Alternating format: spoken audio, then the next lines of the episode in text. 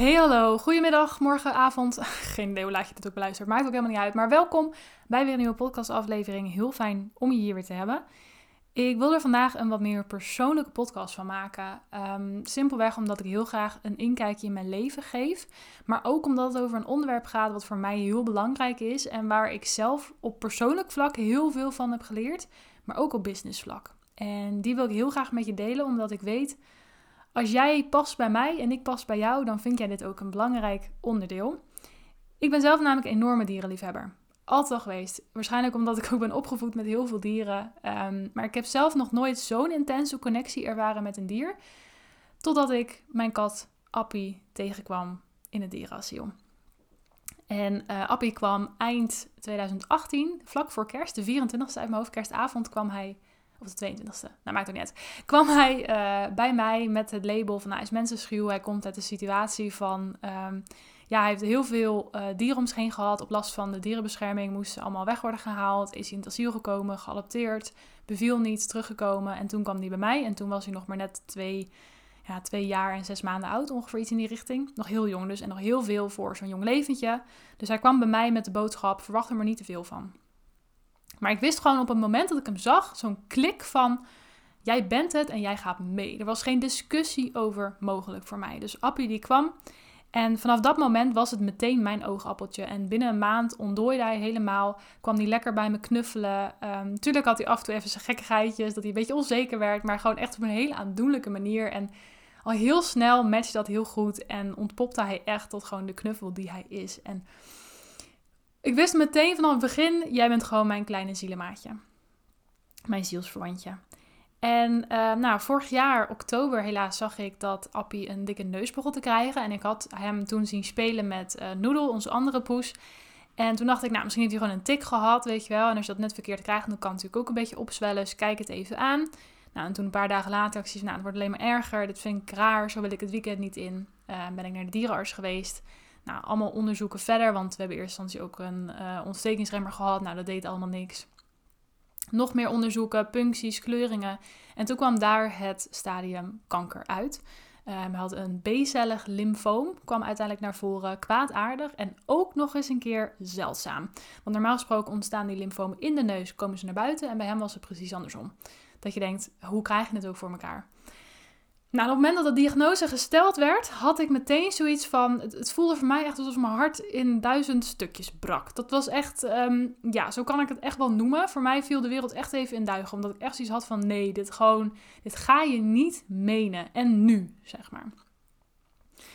Nou, even vast forward naar vandaag. We hebben een heel lang traject achter de rug. Um, hij heeft heel veel chemo gehad. Uh, hij is uiteindelijk bestraald, want de chemo uh, in het begin hielp heel goed. Zijn neus werd weer normaal.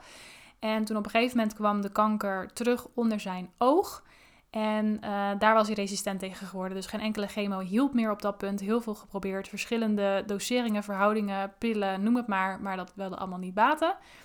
Uh, we zijn toen bij het Pedicentrum voor Dieren steeds in behandeling geweest. Specialistenkliniek in Amsterdam. En die zei op een gegeven moment, ja, wij kunnen niks verder uh, met de tools die we hier hebben. Dus we verwijzen jullie door naar Utrecht, naar de Universiteitskliniek voor Gezelschapsdieren, waar de andere specialisten zitten. En dat is een beetje de holy grail als het aankomt op dierenoncologie. Dus ja, eigenlijk wil je er niet zijn, maar goed, als je er dan toch het, uh, ermee te maken hebt, dan wil je er wel zijn. Dus toen zijn we in die situatie naar Utrecht gegaan. Toen was het heel erg de vraag: ja, als we gaan bestralen, gaat het wel helpen, omdat die tumor al resistent was geworden.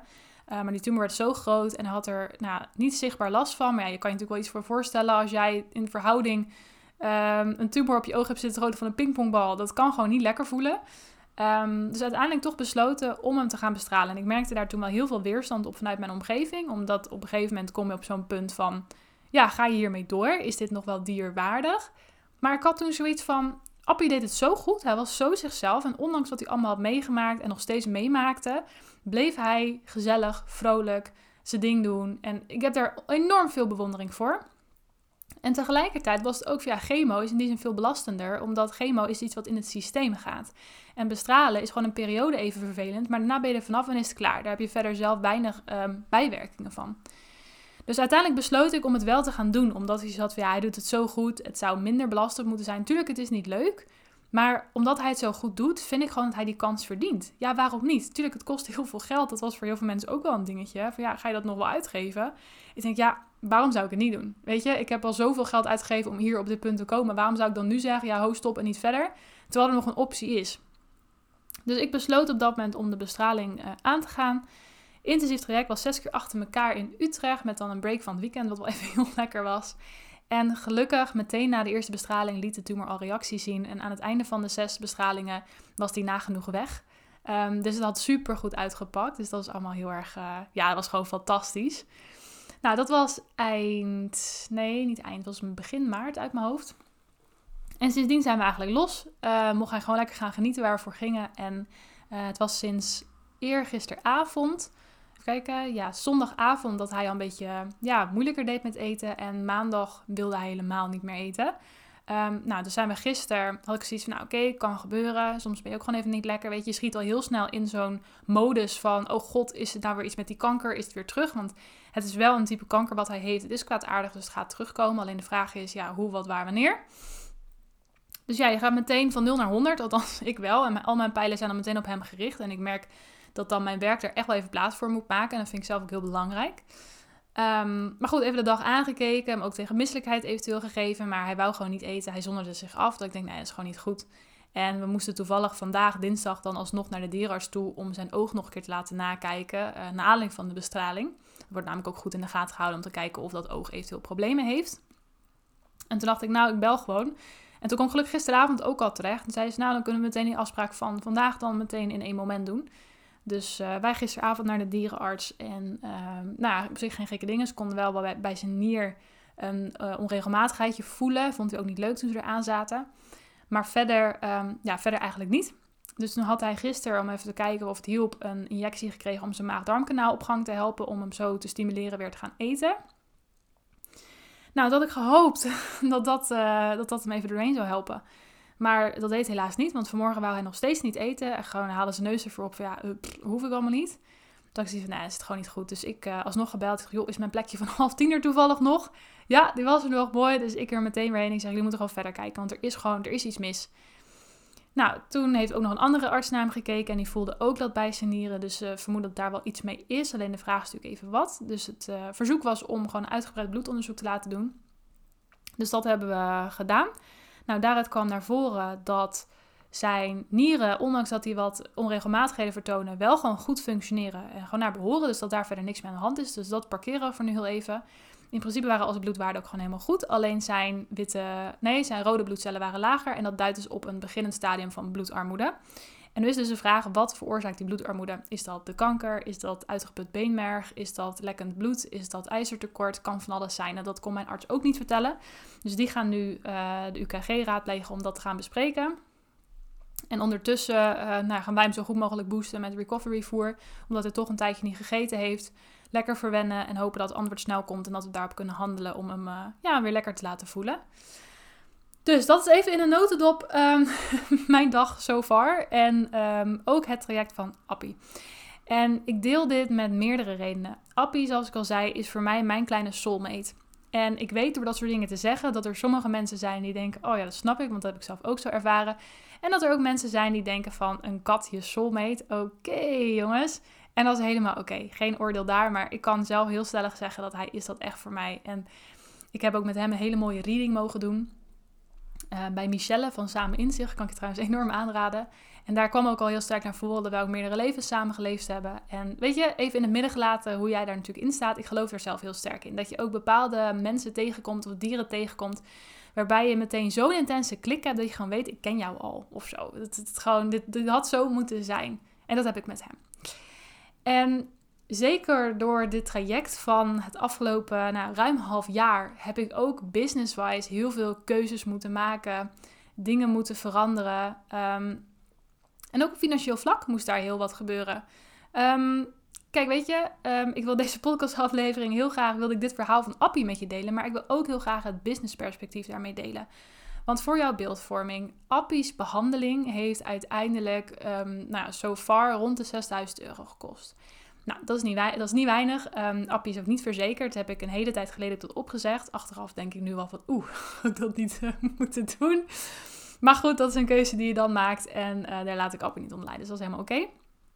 Maar toen ik dit traject begon, Um, onder, was ik nog niet zo heel lang fulltime ondernemer. Ik kon wel rondkomen voor mijn hypotheek en dergelijke. Maar in de wetenschap dat er zoveel geld um, nodig zou gaan zijn voor zijn behandeling. Dat was best wel een, nou niet een bittere pil, maar dat vond ik best wel dat ik denk, oké, um, ik ben heel benieuwd, zeg maar, hoe, hoe dat gaat.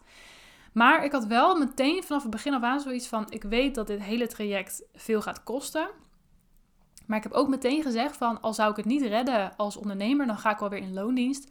Zolang hij maar de zorg krijgt die hij moet krijgen. Maar ik voelde ook al heel snel van binnen echt dat, dat diepe vertrouwen van, het gaat goed komen. Op een manier. Financieel gezien gaat echt, het gaat echt goed komen.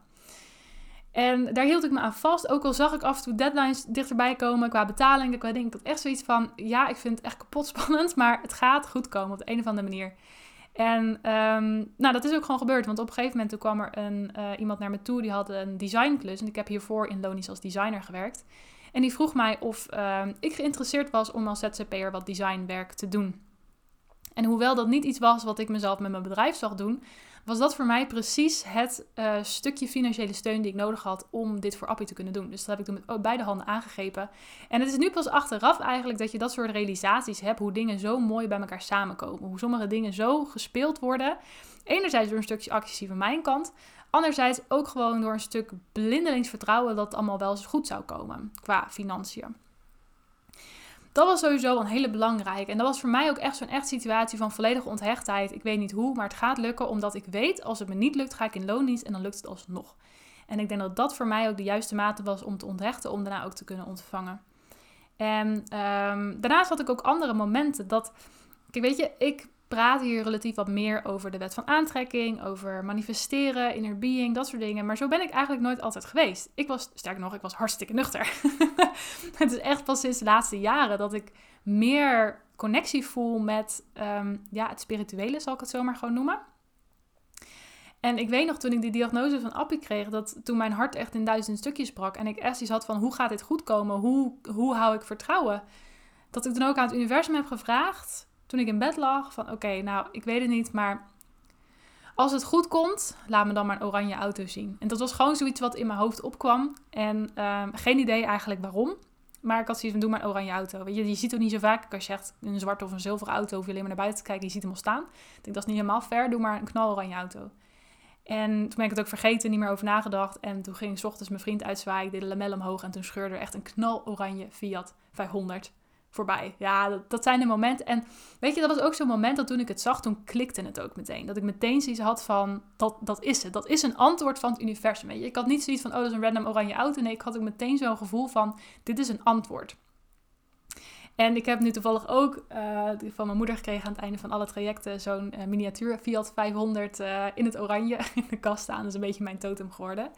Maar ook daarmee zie ik nu pas achteraf dat heel vaak dan vragen wij het universum om bepaalde dingen en dan krijgen wij het niet. En dan denken we van ja, maar wat doe ik dan verkeerd? En vaak komt het dan omdat je niet volledig kan verwachten dat je het ook gaat krijgen. Kijk, op het moment dat jij het hebt over ik wil een miljoen, dan zit je al heel snel in de ja, maar hoe ga ik daar dan komen? Het is heel moeilijk om dat te kunnen verwachten, om dat, erop te vertrouwen dat het gaat komen. Terwijl um, dingen zoals een vlinder of, in mijn geval een auto, dat zijn natuurlijk dingen die kunnen we verwachten. Omdat we weten dat is niet bijzonder in die zin. Een vlinder zie je heel snel, een auto zie je ook wel rijden in een bepaalde kleur. Oké, dat maakt het iets bijzonderder, maar daar kunnen we makkelijk in komen. Dat is een beetje wat het is. En dat is ook vaak de reden waarom heel veel mensen een soort van ja, vragen om een vlinder of om een auto of om iets anders als antwoord. Omdat we daar ook makkelijker in kunnen geloven dat we het ook gaan krijgen. Want als jij natuurlijk vraagt, hè, wat zei je, ik om een miljoen vraagt, ja, dat voelt dan zo ongrijpbaar eigenlijk. Ik denk dat dat eigenlijk, als ik het nu zo zeg, dat is het. Sommige dingen voelen te ongrijpbaar. En dan kan het heel erg helpen om iets te vragen wat je wel kan grijpen. En voor mij was dat op dat moment de auto. En dat zijn dan dingen die je achteraf eigenlijk erop reflecteert van, hè, dat heb ik gewoon op die manier hè, vragen het woord gegeven. Terwijl ik een boek wat ik heb gelezen van Esther en Jerry Hicks. Dat was gewoon precies zo'n voorbeeld. Hè? Ik heb erom gevraagd en ik heb het gekregen. En ik wist ook op dat moment in mijn kern, dit is een antwoord van het universum. Of van The Other Realm, of van het hiernamaals. Of nou, geef er een naam maakt ook niet uit. Maar dit is een antwoord.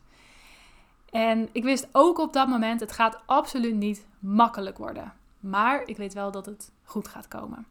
En zo far is het ook altijd gebleken. En soms um, dan merkte ik dat ik dat vertrouwen kwijt was. En dan vroeg ik weer opnieuw om die oranje auto. En dan altijd, dan plopte die zo op. Dat was zo bijzonder. En ik weet nog wel dat wij op een gegeven moment de uitslag kregen dat de kanker terug was gekomen. Dat het ook weer kanker was. En dat was weer zo'n moment van, god, gaan we weer. En toen zei ik volgens mij nog tegen moeder in de auto van... Nou, waar is die oranje auto nou, hè? toen zat ik uh, achter het stuur, toen ging naar huis. En ik keek in mijn binnenspiegel en toen reed er geen oranje auto, maar een oranje vrachtwagen achter me. Knaloranje ook. En toen had ik meteen in mijn hoofd zoiets van: oh, dat is een teken van het komt goed, maar het gaat anders lopen.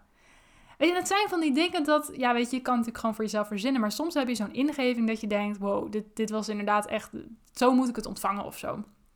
En dat is ook precies wat er is gebeurd, want we waren toen met chemotherapie bezig en dat sloeg niet meer aan. Toen zijn we naar bestralen gegaan, andere behandelingsvorm, en die heeft super goed gepakt. Dus ook in die zin, de ingeving klopt ook. En dat vond ik gewoon iets heel, heel moois. En um, het is eigenlijk pas nu achteraf, zo maanden later, als je erover gaat nadenken, dat dat soort dingen soort van op hun plek vallen. En dat is ook waarin ik gewoon merk dat ik veel meer ben gaan vertrouwen op deze ja, kracht, bron, energie, ehm, hoe je het wilt noemen. Maar tegelijkertijd ook hoe ik merk dat door hiermee bezig te zijn, je ook veel meer open gaat staan voor het, voor het zien van dat soort dingen of zo. Ja, ik vind, ik vind het soms weer lastig uit te leggen, omdat het is ook een beetje een ongrijpbaar onderwerp. En ik merk daarin ook heel erg dat Appie mij geholpen heeft om die groei door te maken. Om ook op dat soort dingen te gaan vertrouwen. Want dat is uiteindelijk ook wat het is. Kijk, als jij natuurlijk ook niet erop vertrouwt dat, dat het zo kan werken, ja, dan gaat het ook niet voor je werken. En ik weet nog heel goed dat wij bij de eerste behandeling van Appie waren. En dat de vraag was: gaan we meteen starten met de chemo of um, wachten nog even op de uitslag van een oncoloog uit Utrecht uit mijn hoofd? Dat ik hem aankeek en zei: Oké, Appie, wat gaan we doen? En ik had zo'n overweldigend gevoel van: we moeten nu starten. Dat, ik weet ook gewoon: dit, dit komt van Appie. Dit komt niet van mij, dit komt van hem. Hij staat hier helemaal achter. We moeten dit gaan doen. En dat hebben we toen ook gedaan. En dat pakte toen meteen binnen de eerste week pakte dat super goed uit. En dat zijn van die momenten dat ik denk: ja, zo belangrijk vind ik het om op dat gevoel te kunnen vertrouwen. En ik merk daarin ook dat het soms heel moeilijk kan zijn. Omdat je Kijk, het is makkelijk om op je gevoel te vertrouwen, dat is dus mijn ervaring, op het moment dat het um, voor je gevoel negatief zal gaan uitpakken. Dan op het moment dat het dan negatief uitpakt, dan heb je zoiets van, nou zie je wel. Terwijl op het moment dat het dan positief uitpakt, dan is het een positieve meevaller. Terwijl op het moment dat je gevoel van het komt wel goed, terwijl eigenlijk all the odds are against you, dan is dat vaak heel moeilijk. Maar het is mijn ervaring wel dat ook dan moet je vertrouwen blijven behouden. En um, het is niet makkelijk, absoluut niet. En vind ik het nog steeds niet, want ook nu, Appie is nu wederom niet lekker. En ik merk dat je dan al heel snel van de 100 gaat. Dat je dan heel erg bezig bent van, wat is het? Is het terug? Gaat het nu verkeerd? Um, en om dan toch weer dat vertrouwen te blijven houden. En ja, dat zijn processen. Dat merk ik heel erg. Maar ik merkte door hierover na te denken dat dit heel erg naar boven kwam. En dit wilde ik gewoon heel graag met je delen. Omdat enerzijds, um, dit zijn mijn ervaringen in ieder geval met universum, met een, een higher source, bronenergie. Um, ik weet niet zo goed wat voor naam ik er zelf per se aan wil geven, maar je snapt wat ik bedoel. Maar tegelijkertijd ook op businessgebied gaat dit ook heel erg op. Hè? Durven vertrouwen op hetgeen wat jou wordt ingegeven. Wat dat dan ook is. En dat kan iets heel fijn zijn. Kan ook minder fijn zijn, maar daar vervolgens ook echt op durven vertrouwen en daar ook echt naar durven handelen. En ik denk dat dat echt key is. Nou, en ook zeker op businessgebied merk ik daarin ook wel heel erg dat dingen mij heel makkelijk zijn gegaan. In de vorm van, nou, ehm, op het moment dat ik wist, uh, toen Appie chemo kreeg, toen moesten we elke woensdag, elke drie weken moesten we naar Amsterdam toe. En ik had meteen vanaf het begin, heb ik mijn agenda geblokt. En ik dacht, dit is gewoon geen, het is een non-negotiable. Dit gaat gewoon gebeuren. Alles en iedereen wijkt hiervoor. Dit is voor mij zo belangrijk dat niemand krijgt voorrang op Appie. Dit, is, dit moet ik voor hem doen. En die stelligheid komt voor mij echt enorm van nature. Op het moment dat ik echt zoiets heb van, ik ben nodig, en zeker met Appie, omdat hij al mijn kleine soulmate is, en ik echt merkte, dit moet ik voor hem doen, dan is het voor mij heel makkelijk om alles daarvoor aan de kant te zetten. En dat vindt niet iedereen altijd leuk, maar ik ben daar heel stellig in. En dat zijn dingen die mij heel gemakkelijk afgaan en die ik ook heel belangrijk vind om te doen. Tegelijkertijd realiseer ik mij ook heel sterk dat niet iedereen dat vindt. En dat snap ik, want soms is het ook lastig om daar doorheen te breken, omdat je toch misschien een people pleaser in je hebt zitten, je mensen graag wil ondersteunen uh, en die moet je dan even negeren. Maar ik hou mezelf dan ook altijd maar voor. Kijk, zeker in het kader van Appie. Ik had zoiets van, Appie heeft alleen maar mij op wie die kan rekenen. Er is niemand anders die het met hem doet. Hè? En dat is even overdreven gezegd. Want natuurlijk, als ik aan iemand zou vragen... Van, joh, kun je met Appie naar de arts gaan? Dan zou iemand dat echt wel voor me doen. Maar Appie is daarin ook afhankelijk van mij. En zeker de mensen om mij heen had ik zoiets van: ik ben er voor je als het nodig is, maar op dit moment kan ik er niet voor je zijn, want ik ben nu hiermee bezig. En dan wist ik ook, kijk, mensen die hebben ook nog altijd wel een ander waar ze naartoe kunnen. En dat probeer ik altijd maar voor mezelf voor te houden van ik merk nu gevoelsmatig dat ik hier aandacht aan moet geven en dat ga ik doen en de rest dat, dat komt wel goed. En dat is ook uiteindelijk hoe het gaat. En dat vind ik gewoon heel belangrijk, die stelligheid. En dat zijn ook dingen die ik nu nog steeds meeneem in mijn bedrijf. Een stukje stelligheid van dit is waar ik in geloof, dit is waarvan ik denk dat het nodig is, dus dit ga ik zo doen. Zo heb ik nu op dit moment ook elke woensdag nog steeds uh, vrij. Niet zozeer voor uh, Appies chemo gelukkig, maar puur omdat ik heb van ik voelde heel erg de behoefte om één dag in de week te hebben, puur en alleen voor mezelf. Dat ik zelf kon doen wat ik zou willen doen voor mijn bedrijf. Dus of dat dan training volgen is, of um, werken aan mijn bedrijf, persoonlijke ontwikkeling, noem het maar, maakt niet uit, maar gewoon één dag in de week puur en alleen voor mij. En die stelligheid die ik heb, die helpt mij daar heel erg mee. En dat vind ik heel belangrijk aan jou om mee te geven. Dat het ook heel belangrijk is dat jij jezelf die ruimte geeft om gehoor te geven aan het gevoel dat jij hebt. Ondanks dat jij misschien ook zoiets hebt van ja, maar iemand heeft me nodig of dat kan ik toch niet zo maken. Er is altijd een manier. Het kan altijd geregeld worden. Ook op het moment dat je denkt, ja, maar ik heb kinderen en die zijn van mij afhankelijk. Dat klopt, maar kan je ze niet even aan je partner toevertrouwen voor die ene avond? Of naar een oppas brengen of naar een opvang of weet ik het wat. Er is altijd wat mogelijk. Maar ik vind het heel belangrijk op het moment dat jij een, een bepaalde ingeving krijgt, een bepaald gevoel hebt, dat jij daar naar luistert en dat jij daar ruimte aan geeft. Want ik merkte gewoon in de praktijk hoezeer dat werkte elke keer met Appie, hoe spannend het ook werd, hij kroop door het oog van de naald. En tot nu toe gaat het ook nog steeds op. En ook nu heb ik zoiets van, ik weet niet wat we nu weer aan ons broek hebben hangen, maar het gaat lopen zoals het gaat lopen. En ik mag er echt absoluut in vertrouwen. En ik ben me daar steeds meer, meer in aan het verdiepen. Omdat ja, je wordt af en toe ook gewoon met de dood geconfronteerd. En dat is uiteindelijk ook hoe het natuurlijk gaat aflopen. Kijk, goede nieuws, zo gaat het met ons allemaal aflopen. Als het goed is, pas over een hele lange tijd. Maar ook daarom ben ik me meer aan het verdiepen van hè, wat, wat is hierna en hoe zit dat. En ik vind dat gewoon hele, ja, hele interessante onderwerpen. Ook zeker in combinatie met het dierenaspect. En ik merk dat ik ook wel op dit moment die urge voel om dat meer hierin te gaan verwerken. Omdat er ook heel veel is wat wij van het dierenrijk kunnen leren. Um, de afgelopen periode, als Appie, uh, nou voor mijn gevoel echt aan een zijde draadje hing, dan zat ik, nou, ik zat in de stress, paniek, verdriet, alles. Ik was all over the place.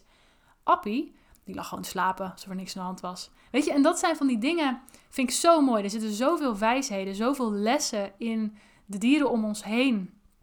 Dat ik echt denk, daar mag wat mee. En daar wil ik ook heel graag wat mee. Dus het is mijn plan ook om hier meer in te gaan, ehm, meer in te gaan delen. Ik wil me er meer in verdiepen, meer mee bezig zijn. En het mag je hier dus ook wat meer verwachten. Omdat ik gewoon, nou wat ik zei, er zijn heel veel lessen die we van onze dieren kunnen leren.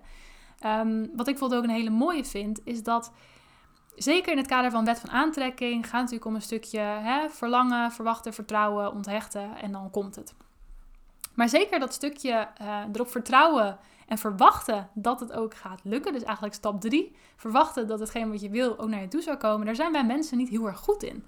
Ehm, terwijl bij dieren, zij verwachten juist helemaal, of zij verlangen juist helemaal niet zoveel. Want ze zijn zo oké met hoe het is dat zij staan daardoor ook zo open en kunnen daardoor ook supergoed verwachten. En dat is echt iets waar wij weer heel veel van hun kunnen leren. Waar zij weer in theorie van ons kunnen leren om meer te verlangen van ons, uh, van ons leven.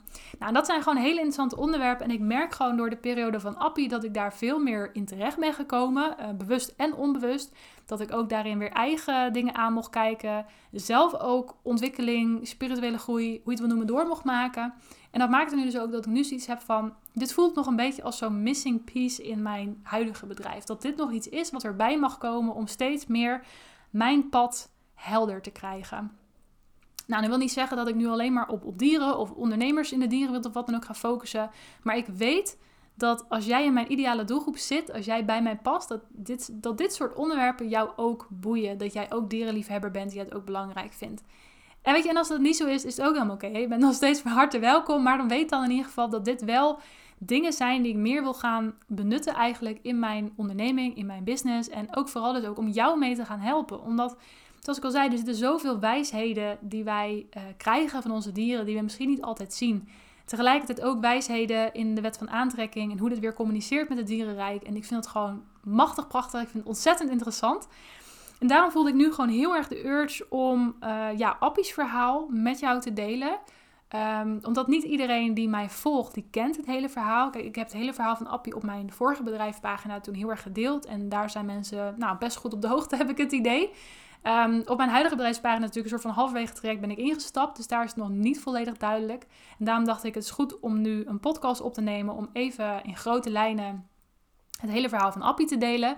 Ehm, en tegelijkertijd ook daarmee te zeggen dus dat ik heel veel waarde zie achter wat wij van hun kunnen leren. En dat ik daarvan ook meer wil gaan delen in een stukje business, uh, vertrouwen op je gevoel, vanuit mijn eigen ervaring met Appie en het universum.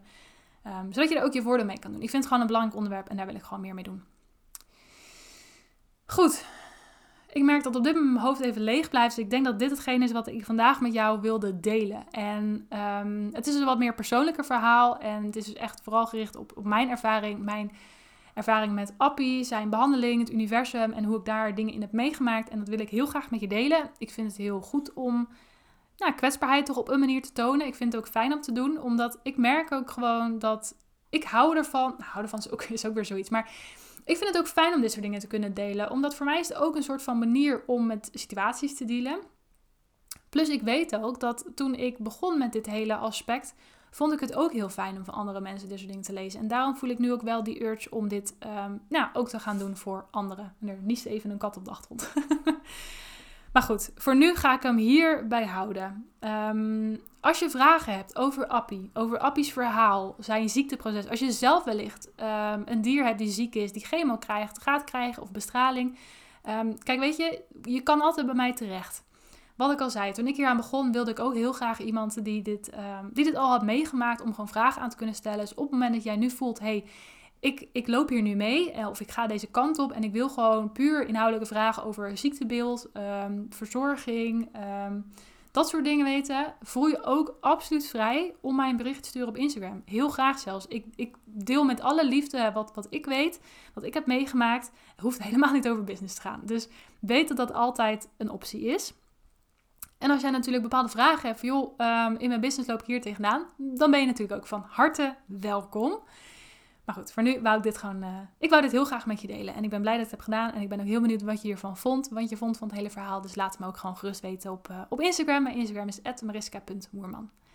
Alright, dan ga ik hem hier lekker bij laten. Het is ook meteen een veel langere podcast geworden dan ik normaal gesproken zou opnemen. Dus zo zie je maar, als het een onderwerp is dat dicht bij je hart ligt, dan uh, ga je praten en dan hou je niet meer op.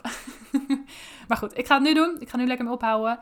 Hey, hartstikke bedankt voor je tijd, voor je aandacht. Nogmaals, heb je vragen, wil je iets tegen me aanhouden, voel je vrij. Ehm, ik help met alle liefde, kijk met alle liefde even met je mee. En weet dus ook dat dit op dit moment een verandering is die ik heel graag wil meenemen in mijn bedrijf. Um, dus dat je dit ook meer in de toekomst kan verwachten. Het gaat niet allemaal constant over dieren of wat dan ook. Maar ik geloof heel erg in de kracht van um, ja, de verschillende werelden. Dus zowel onze wereld, universum als de dierenwereld. Dus Zodoende. Goed, nogmaals hartstikke bedankt voor je tijd. Dankjewel voor je aandacht. En ik spreek je weer heel graag in de volgende podcastaflevering.